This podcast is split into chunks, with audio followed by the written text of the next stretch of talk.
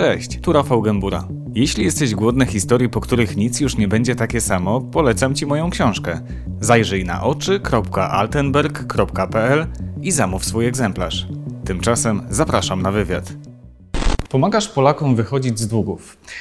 Dlaczego jest tak, że ludzie się w ogóle zadłużają? Czy to jest głupota, czy to jest brak wyobraźni, czy być może powody są zupełnie inne? Mhm. Najłatwiej byłoby myśleć, że dłużnik to jest osoba, która zupełnie poza kontrolą zaciąga liczne zobowiązania na jakieś zachcianki, drogie wycieczki, nowe samochody i, i, i zbytki takie, które nie są mu potrzebne i sama przez to pakuje się mhm. w kłopoty. Z mojego doświadczenia wynika, że większość dłużników, osób, które stają się dłużnikami, to są osoby, które całkiem świadomie zaciągnęły swoje zobowiązania na naprawdę niezbędne rzeczy typu zakup mieszkania, mhm. remont mieszkania czy zakup samochodu i z przyczyn losowych e, popadły w tarapaty finansowe. Tak naprawdę najczęściej są to takie powody jak utrata pracy, nagła utrata pracy spowodowana tym, że przez długi czas później nie możemy znaleźć zajęcia podobnie płatnego. Panuje błędne przekonanie, że jeżeli nawet stracę pracę, to jednak w szybkim czasie mhm. E, będę mógł znaleźć podobną, tak samo płatną. Okazuje się, że czasem musi minąć kilka miesięcy, a nawet rok. W tym czasie niestety zobowiązania nadal należy płacić, no i brakuje tych środków na spłatę. I to jest ta najczęstsza, mówisz, przyczyna losowa. Jedna z najczęstszych. Jedna z najczęstszych. Tak samo, częstą jest, tak samo częstą jest choroba. Czy to jest choroba bezpośrednio kredytobiorcy, który osiąga jakieś dochody, nagle z powodu choroby traci możliwości zarobkowania i przez to traci płynność finansową, ale to również może być choroba kogoś najbliższego. Często to leczenie jest bardzo drogie, wymaga leczenia prywatnego, no i wtedy tak naprawdę zrobimy wszystko, żeby ratować najbliższą osobę. Często jest to zaciągnięcie nowych zobowiązań, trochę ponad stan, natomiast no tutaj życie i zdrowie jest najważniejsze.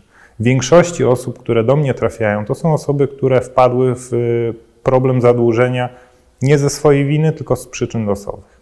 A czy są takie sytuacje, gdzie dłużnikiem staje się ktoś, no właściwie bez swojej winy, bez swojego udziału? Mhm.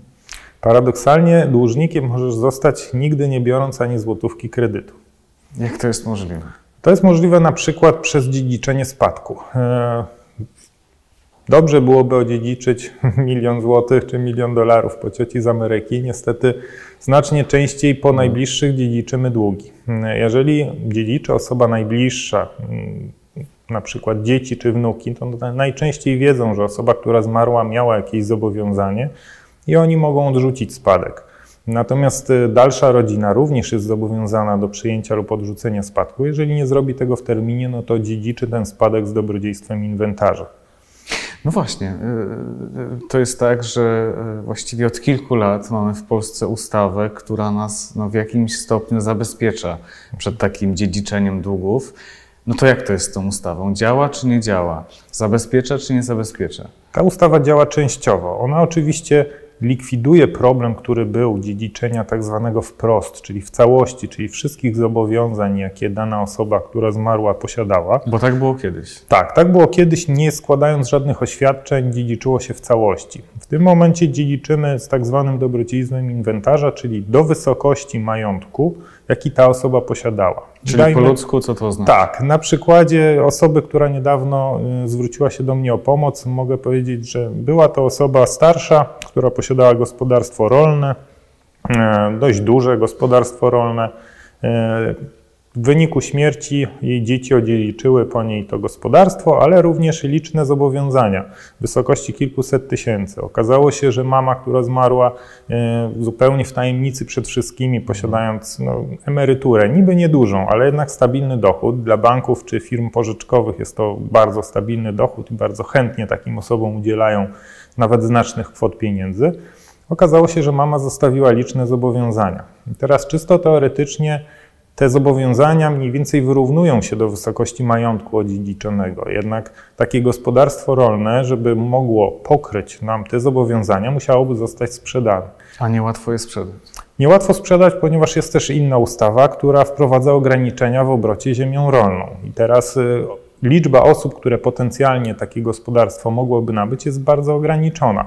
I tak naprawdę dziedziczymy teoretycznie majątek i długi, ale ten majątek jest niezbywalny, przez co nagle zostajemy z kilkunastoma kredytami do spłaty, no i pojawia się problem.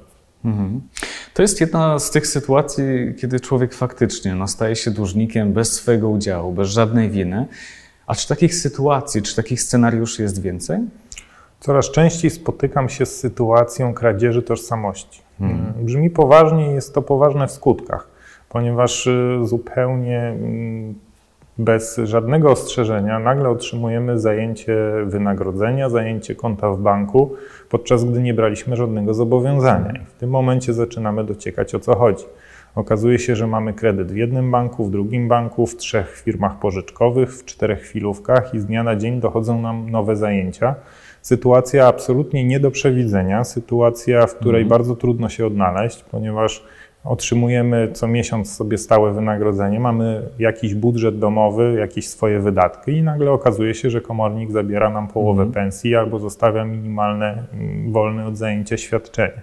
Ale jak to się odbywa? Jak dochodzi do takiej sytuacji? Jak to jest możliwe? Jest to możliwe i może dotkać e, każdego z nas. Ostatnio rozmawiałem z panią sędzią, która dotknęła taka sytuacja, kiedy o swoim rzekomym długu dowiedziała się od komornika. E, oczywiście nie doszła do tego, jak tak naprawdę się to stało. Mhm. Najczęściej odbywa się to przez e, niepowołany wyciek danych osobowych. Tych danych wcale nie potrzebujemy dużo, ażeby paść ofiarą kradzieży tożsamości. Wystarczy, że wycieknie nasz PESEL, numer dowodu osobistego i w zasadzie mając te dane, Osoba, która chce je wykorzystać w niepowołany sposób, może zaciągnąć na nas zobowiązania, z którymi potem będziemy musieli się mierzyć i które będziemy musieli odkręcać. Mhm. No ale prowadzi to do sytuacji, tak jak mówisz, kiedy pewnego dnia dowiadujemy się, że mamy kłopot. No ale co, no idziemy na policję, składamy wyjaśnienie, to oszustwo. Sprawa. E, chyba wydaje się. Powinna być prosta, natomiast niestety, niestety tak prosto nie jest. Oczywiście wówczas należy zgłosić się na policję i złożyć zawiadomienie o możliwości popełnienia przestępstwa, właśnie wykorzystania naszych danych i zaciągnięcia zobowiązań. Warto również y, od razu pobrać sobie takie zaświadczenie o dokonaniu takiego zgłoszenia. Ono będzie nam niezbędne. Policja później. wydaje takie zaświadczenie. Tak, tak, oczywiście sama tego nie zrobi, ale musimy hmm, nalegać. Trzeba tak, trzeba nalegać o to, żeby je otrzymać, ponieważ ono będzie niezbędne później w sądzie, aby udowodnić, że faktycznie to nie myśmy zaciągali takie zobowiązania, prawda? E, trzeba pamiętać, że za chwilę może komornik zapukać do naszych drzwi, coś trzeba z tym zrobić. Więc musimy po pierwsze mm, odkręcić etap sądowy, czyli doprowadzić do tego, żeby sąd w ogóle wysłał nam dokumenty, które stały się podstawą tej całej egzekucji. W momencie, kiedy sąd nam je doręczy, mm, będziemy mogli pozbyć się komornika. Pierwszy etap za sobą, natomiast pozbywamy się komornika, ale niedługo. Przed nami cały proces sądowy. Na etapie tego procesu sądowego musimy wykazać, że faktycznie to nie my podpisywaliśmy umowę, nie my otrzymaliśmy te środki, że nie mamy wiedzy na ten temat Taki oszust często wykorzystuje adresy z zupełnie innego miasta, zupełnie mm. na dane, które jakby nas nie dotyczą, wykorzystuje jedynie nasze dane typu imię, nazwisko, PESEL, numer dowodu. Natomiast wszystkie pisma idą na zupełnie nieznany nam adres, więc wszystko to musimy. I to wszystko ląduje na naszej głowie to wszystko ląduje na naszej głowie i mhm. tak naprawdę ten proces jest długi, męczący, mhm. z uporządkowanego życia. Z dnia na dzień wpadamy w jakąś pętlę niekończących się nowych zobowiązań, bo to nie jest tak, że kończy się na dwóch, trzech.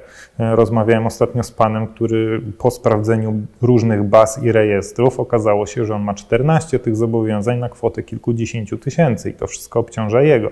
Więc teraz to on musi udowadniać, że nie on to pobrał, nie on to otrzymał. E, niejednokrotnie niestety okazuje się, że mimo, że mamy zaświadczenie z policji, że to nie my zaciągnęliśmy, mhm. wierzyciel nie chce odpuszczać, wysyła na nas windykatorów, przychodzi do nas komornik, no i nasze I życie... nikogo to nie obchodzi, że staliśmy się ofiarami jakiegoś oszustwa. Niestety w, do większości wierzycieli takie tłumaczenie nie, nie trafiają. Tak? To mógłby powiedzieć każdy.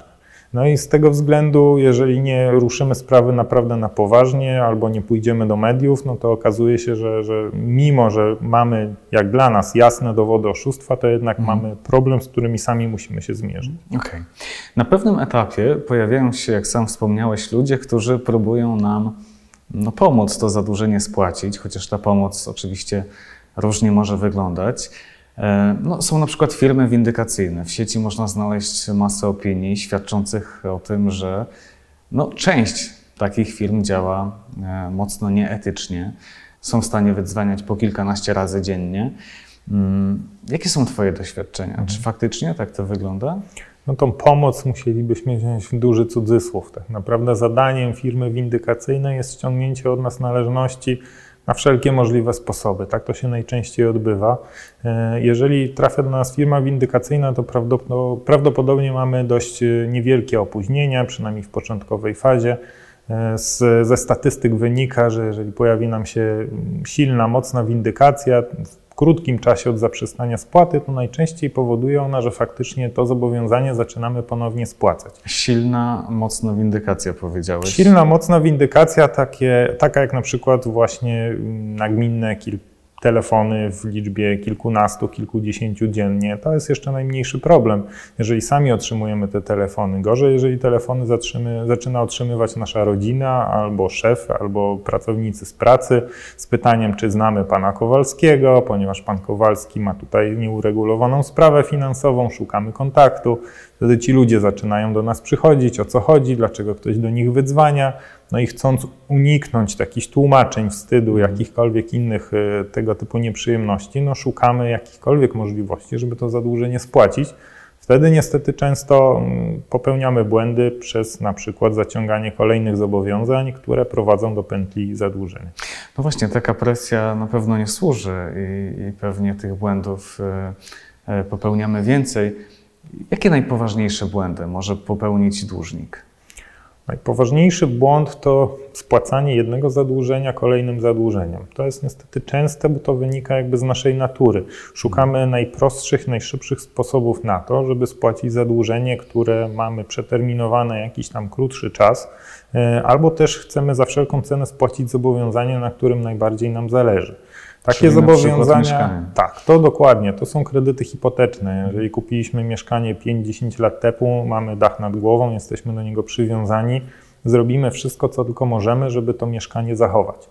Wtedy najczęściej sięgamy w pierwszej kolejności po inne zobowiązania. Najpierw to są kredyty gotówkowe. One dadzą nam jakiś zapas gotówki na te raty, na ten kredyt hipoteczny i na tę gotówki, ale te środki też się za jakiś czas skończą. Później mhm. pojawiają się pożyczki pozabankowe, chwilówki. No i to już jest początek do bardzo poważnych problemów. A dlaczego to jest błąd? No bo wiesz, ludzie boją się jednak, że ktoś ich z tego mieszkania e, wyrzuci. Mhm. Dlatego podejmują takie decyzje. Dlaczego to jest błąd? To jest naturalne, oczywiście chcemy chronić naszą nieruchomość i pierwszym sposobem, jaki przychodzi nam do głowy, jest zaciągnięcie jakiejś, jakiegoś kredytu gotówkowego, który pozwoli nam na spłatę tych rat hipotecznych, zarówno tej gotówki. E, no niestety czasem życie układa się w ten sposób, że nie odzyskujemy szybko tej płynności finansowej, nie trwa to miesiąc, dwa, trzy, a te pieniądze z dodatkowego kredytu za chwilę się skończą. E, no i popadamy w kolejne problemy finansowe, biorąc kolejne zobowiązania. Później musimy się mierzyć z tym wszystkim wielokrotnie więcej. Mamy natężoną windykację z wielu firm, przed nami potencjalne procesy sądowe i mierzenie się z wieloma wierzycielami. Tutaj, w zależności oczywiście od sytuacji, w jakiej jest dana osoba, ponieważ nie ma dwóch identycznych przypadków i każdy ma nieco inną sytuację, każdy wpadł w problemy z innego powodu. Natomiast najgorszym, co jest możliwe, no to właśnie zaciąganie kolejnych zobowiązań. Dużo lepiej jest dać sobie czas, dać sobie chwilę oddechu, e, przemyśleć, w jaki sposób możemy odzyskać e, płynność finansową i do tego czasu po prostu zaprzestać spłaty tego zobowiązania, tego jednego, jedynego, jeżeli mamy jeden mhm. kredyt hipoteczny. W tym czasie pracując nad tym, żeby uzyskać tą płynność. Tutaj no, panuje... obawa, obawa oczywiście jest taka, że e, tych kilka miesięcy wystarczy na to, żeby mhm. ktoś nas z tego e, mieszkania po prostu wykopał. Mhm. Panuje błędne przekonanie, że jeżeli przestaniemy spłacać kredyt, to po dwóch, trzech, czterech miesiącach stracimy nieruchomość i zostaniemy bez dachu nad głową. Tak nie jest? Tak nie jest. Sama procedura wypowiedzenia umowy trwa minimum kilka miesięcy, zazwyczaj od 3 do 6, zanim nastąpi wypowiedzenie.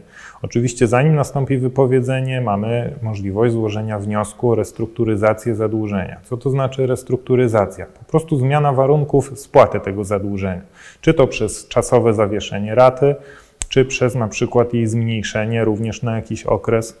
Tutaj niestety banki niechętnie podchodzą do tego typu wniosków. Taka jest po prostu wewnętrzna korporacyjna polityka i bardzo rzadko zdarza się, że bank taki wniosek uwzględnia. Tego również nie należy się obawiać. Po wypowiedzeniu umowy mija kolejnych kilka miesięcy, zanim potencjalnie sprawa trafi do sądu. Jeżeli w międzyczasie odzyskamy płynność finansową, również możemy ponownie składać wniosek o przywrócenie umowy na nowych warunkach. No Jeżeli no tak, a się... wiele miesięcy już minęło. Tak, wiele miesięcy już minęło, my cały czas mieszkamy, nikt nam mieszkanie nie zabrał. Tak? Oczywiście bank wcale nie musi pozytywnie rozpatrzyć naszego wniosku, wówczas sprawa trafia na etap sądowy. No, ludzie się bardzo tego najczęściej obawiają, że w pewnym momencie ich sprawa e, znajdzie się na wokandzie. Słusznie się obawiają, czy, czy też niesłusznie? Moim zdaniem niesłusznie. To jest kolejny stereotyp. Tak jak boimy się windykatorów, tak jeszcze bardziej boimy się sądu. Sąd bywa wybawieniem dla rzekomego dłużnika, dla osoby, która nie spłaca swojego zobowiązania. To, że sprawa do sądu trafi, nie oznacza, że my tą sprawę przegramy. Przede wszystkim daje nam to również czas. E, faktycznie sprawa z pozoru jest e, dość oczywista. Jest umowa, jest niespłacany kredyt, e, nad czym tu dywagować, wyrok jest przesądzony. No mhm. nic bardziej mylnego. Bank, jak każdy inny wierzyciel, musi udowodnić w sądzie, z czego wynika zobowiązanie, ile ono wynosi dokładnie, co do złotówki, a nawet co do grosza. I wbrew pozorom udowodnienie tego bankowi często mm, przysparza wielu trudności. Zdarzają się sytuacje, że na przykład bank daje mm, do pozwu trzy różne historie rachunku karty kredytowej. Mamy jedną kartę, ale trzy historie. Jedna jest na odsetki, jedna jest na kapitał, jedna inna jeszcze, jeszcze inna jest rachunkiem technicznym. E, bank sam sobie kładzie e, kłody pod nogi, nie dając możliwości e, weryfikacji, czy to klientowi, który został pozwany, czy też sądowi, wyliczenia tego zadłużenia co do grosza. Innym przypadkiem, kiedy e, bank ma trudności z wykazaniem tego, że w ogóle to zadłużenie faktycznie jest przeterminowane, jest w całości wymagalne, jest fakt niedotrzymania przez bank e, procedury prawidłowego wypowiedzenia kredytu, jak również właśnie rozpoznania naszych wniosków o ugodę czy restrukturyzację, o których mówiliśmy. Bank ma obowiązek szczegółowo uzasadnić odmowę, jeżeli faktycznie podejmie decyzję odmowną, Tutaj w przypadku banków najczęściej kończy się na tym, że jest decyzja negatywna albo jest wytłumaczenie w dwóch słowach nie, bo nie. Mhm. To I daje, my możemy próbować to wykorzystać. To wszystko daje nam argumenty do obrony i do wykazania tego, że faktycznie to roszczenie nie zostało udowodnione zarówno co do zasady, jak i co do wysokości. No niestety też banki często e, w mojej ocenie działają celowo na szkodę swoich byłych klientów, próbując sobie za wszelką cenę skrócić procedurę uzyskania korzystnego wyroku. W jaki sposób? Jakiś przykład? Dzieje się to na przykład w ten sposób, że bank wysyła ci serię pism na Twój prawidłowy adres w Warszawie, tam gdzie mieszkasz, natomiast sam pozew składa na Twój dawno nieaktualny adres w Częstochowie. No i nagle o sprawie nie dowiadujesz się z sądu, tylko dopiero od komornika, ponieważ pismo poszło na nieaktualny adres, nie miałeś możliwości zareagować, wszystko się uprawomocniło, sprawa trafia do komornika, ten zajmuje ci wynagrodzenie, rachunki, dopiero dowiadujesz się, że sprawa była w sądzie, cały czas pilnowałeś poczty, czekałeś na ewentualny pozew, no bo liczyłeś się z tym. Mhm. Natomiast bank celowo wskazuje w pozwie nieprawidłowy adres, właśnie żeby utrudnić ci obronę. I takie sytuacje, jak twierdzisz, mają miejsce. No to jest potwierdzone w dokumentach. To, to nie mhm. są moje jakieś tam y, przypuszczenia, tylko po prostu okay. to się dzieje. Ty kilka lat y, wcześniej sam znalazłeś się w sytuacji zadłużenia. Jak do tego doszło? Co poszło nie tak? Mhm. Ja kilka lat wcześniej, mm, przez kilka lat współpracowałem z różnymi bankami. Byłem doradcą do spraw kredytów hipotecznych nie byłem typowym pracownikiem oddziału. Mm, pracowałem w sieci zewnętrznej, czyli moim zadaniem było aktywne poszukiwanie klientów zainteresowanych kredytem i przeprocesowanie im tych wniosków. No i... Czyli byłeś tym diabłem, który wpychał kredyt. No tak, dobrze by było przedstawić, że byłem tym złym, który jeszcze wciskał te najdroższe produkty. No paradoksalnie myślę, że było odwrotnie. Moi klienci zawsze mieli dobre oferty i faktycznie byli zadowoleni. Te wyniki sprzedażowe były bardzo fajne. Współpraca z bankiem układała się dobrze przez niemal 3 lata. Zarobki Ale... były wysokie.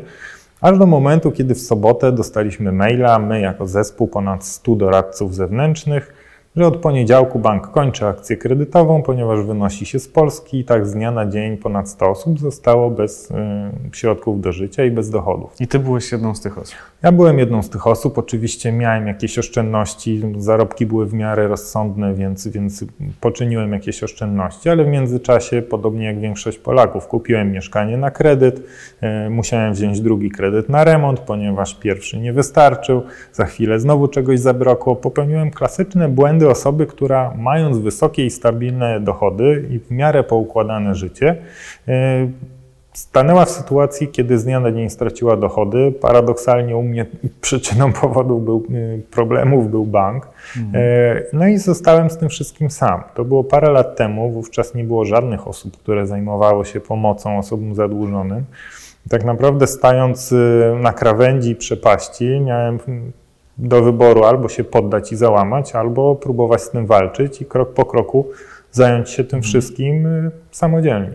Ja myślę, że to doświadczenie też dało Ci no, taką szansę w cudzysłowie e, przekonać się na własnej skórze, mm, jak e, zadłużenie wpływa też na psychikę człowieka. E, co myśli i co mhm. czuje dłużnik. Jak to jest?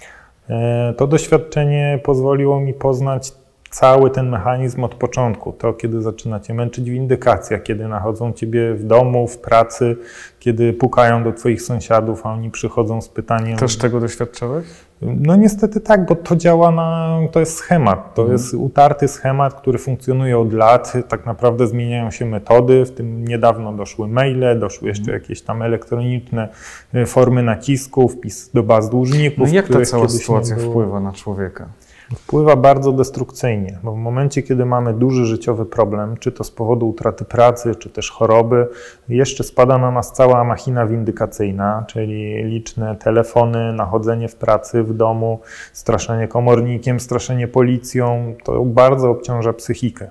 Tak bardzo, że często prowadzi niestety nawet do samobójstw. Mm, nie mówi się o tym, to jest temat niewygodny, natomiast w Polsce dwa razy więcej ludzi popełnia co roku samobójstwa niż ginie w wypadkach drogowych.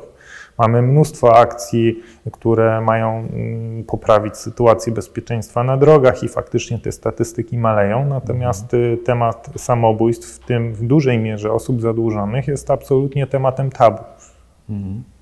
No tak wnioskując y, po tym, co mówisz, myślę sobie, że, że ta pomoc psychologiczna y, w takiej sytuacji jest nie mniej istotna.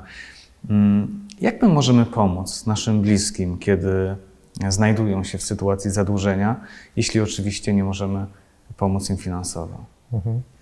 Przede wszystkim ważne jest wsparcie. Ważne jest wsparcie i zrozumienie. Nie powinniśmy nawzajem obrzucać się winą za, za całą sytuację. Wiadomo, że to najczęściej dotyka całą rodzinę.